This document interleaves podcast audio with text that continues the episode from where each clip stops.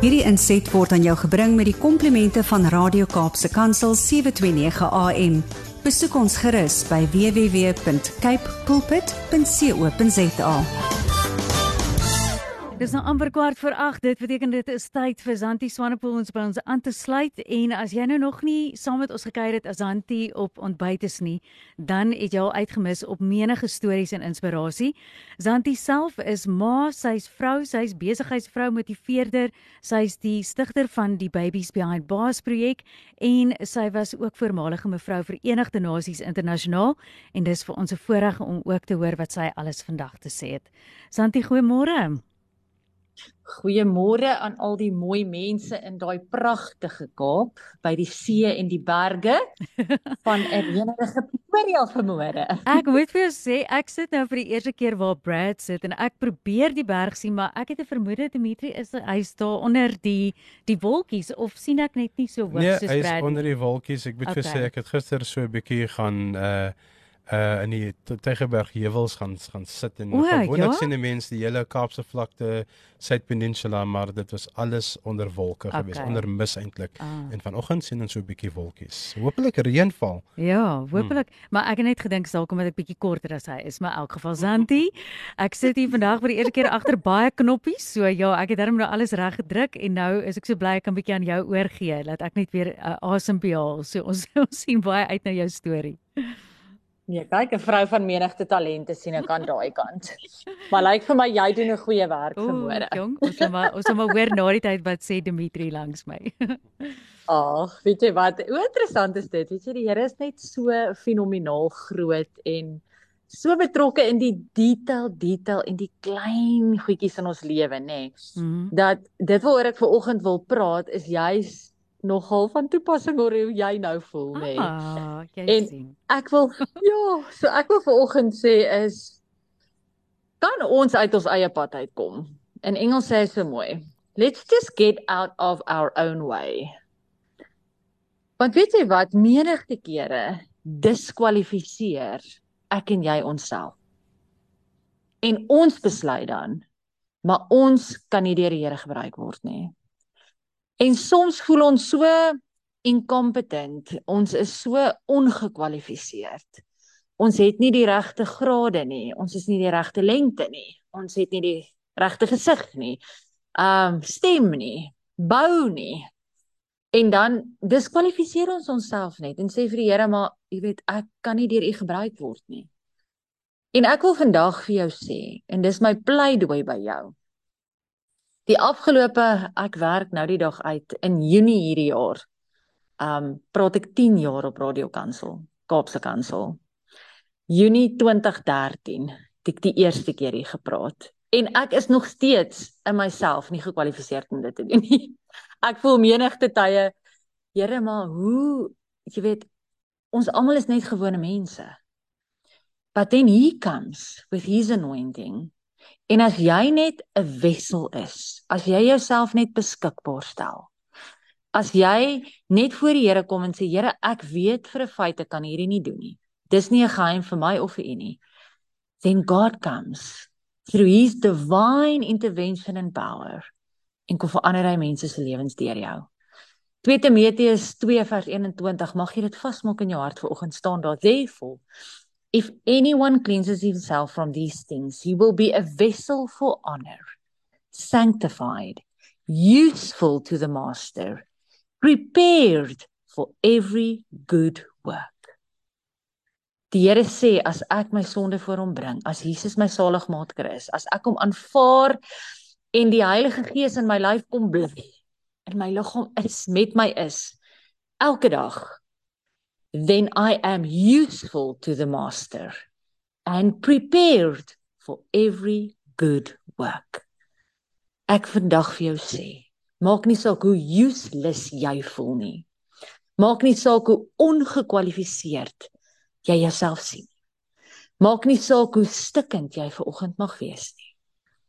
Die Here sê, as hy in jou is, you are useful to him and prepared for every good work. In Kolossense 1:27 sê Paulus het so mooi hy sê to them God has chosen to make known among the Gentiles the glorious riches of his mysteries which is Christ in you the hope of glory. Ek wil jou vir oggend los met 'n storie wat my so diep raak van hoe die Here se woord regtig letterlik waar is. Dat hy met jou lewe, soos hulle in Engels sê, iets remarkable kan doen. Al is dit net vir die gemeenskap om jou. Ek wil vandag vir jou vertel van die storie van Lucy Turner Smith. Sy was ook geken as Elder Lucy Lucy Smith. And she was the first black woman to build, where now, and pastor mm. a mega church in Chicago, which was named All Nations Pentecostal Church. She saw an estimated 200,000 miracles and healings throughout her ministry. The greatest encouragement from Lucy Smith was to just be yourself. She was known to have little regard for grammar, and she never tried to be oratorical.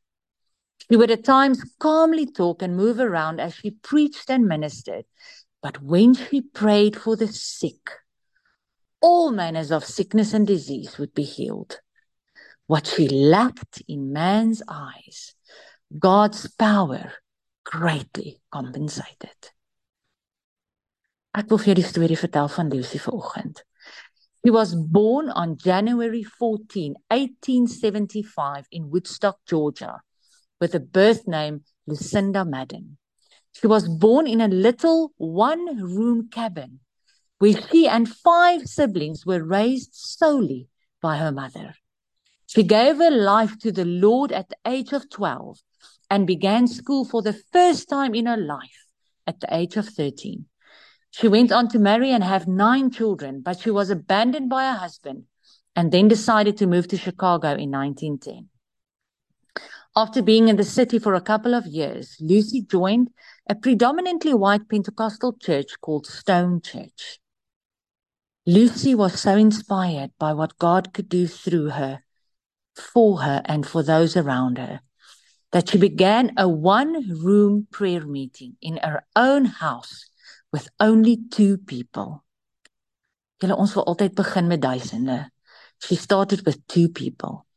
The meeting grew quickly as many were being healed and baptized with the Holy Ghost. 3 years later they moved out to a larger facility. After 10 years in 1926 she built a $65,000 vandag oor 'n miljoen dollars and by the 1930s had nearly 5,000 members. She said that the healing services were the reason for that growth. God spoke to Lucy and told her to broadcast the services over radio. The broadcast became known as the Glorious Church of the Air. Klink vir my so baie na Radio Kaapse Kansel. The program launched in 1933. Lucy is a primary example of what tremendous exploits God can do with a simple, yielded vessel. She didn't ever try to be more than she was. She simply knew that she was called to, and she stuck to it. Lucy died on June 18, 18 1952, and over 60,000 people came to show their respects. It was the largest funeral in Chicago's history hmm. to date. So. Wil vir jou sê, die Here het haar gebruik. Sy het kon nie lekker praat nie. Sy het seker nie die regte tenses gebruik nie. Hm. Sy het seker nie altyd grammatically correct haarself uitgedruk nie. Sy het op 13 die eerste keer skool gegaan. But she knew that this God that had mercy and grace for her can change the lives of people. Met twee mense in haar eie huis het sy 'n prayer groepie begin. En 60000 mense het hulle respekvol kom wys. Hmm. Ek wil nie eens weet hoeveel mense sit vandag in die hemel omdat Lucy Smith nie haarself gediskwalifiseer het nie. Ja. Julle my gebed. Ek wil regtig bid want ek ek voel dit is so 'n 'n ding vandag dat die vyand ons so kom roof van ons calling, dit wat ons moet gaan doen, dit wat ons moet wees vir ander. Because he tells us that we are not qualified enough, not good enough. We don't have all the papers needed. Maar ek wil vandag vir jou sê, you are a vessel of honor, useful to the master, prepared for the works he created before you were even born. Here mag jy vandag die luisteraars wat luister. Here mag jy diep in hulle wesens hulle kom aanraak. May you tell us that we are qualified not by ourselves, not by our degrees and diplomas and certificates, but we are qualified because of you who are and lives in us. Christ in us is the hope of glory. May we rise up and do what we need to do. Be obedient to your call, even if it's changing the lives of one person at a time. Amen. Dit is Zanti Swanepoel uit Pretoria wat vandag met ons deel. Zanti, so baie dankie vir daai pragtige storie wat weer eens net vir ons wys ons kwalifiseer gelukkig nie onsself nie. En as ons osself net die pad kan haal, hoeveel meer kan ons nie net fokus op die bron van krag wat ons kwalifiseer vir wat hy ook al wil hê ons moet doen op aarde nie. Ehm um, jy's kosbaar vir ons. Ons sien uit om volgende week weer met jou te gesels en geniet vandag. Baie dankie julle tatta. Hierdie inset was aan jou gebring met die komplimente van Radio Kaapse Kansel 729 AM. Besoek ons gerus by www.cape pulpit.co.za.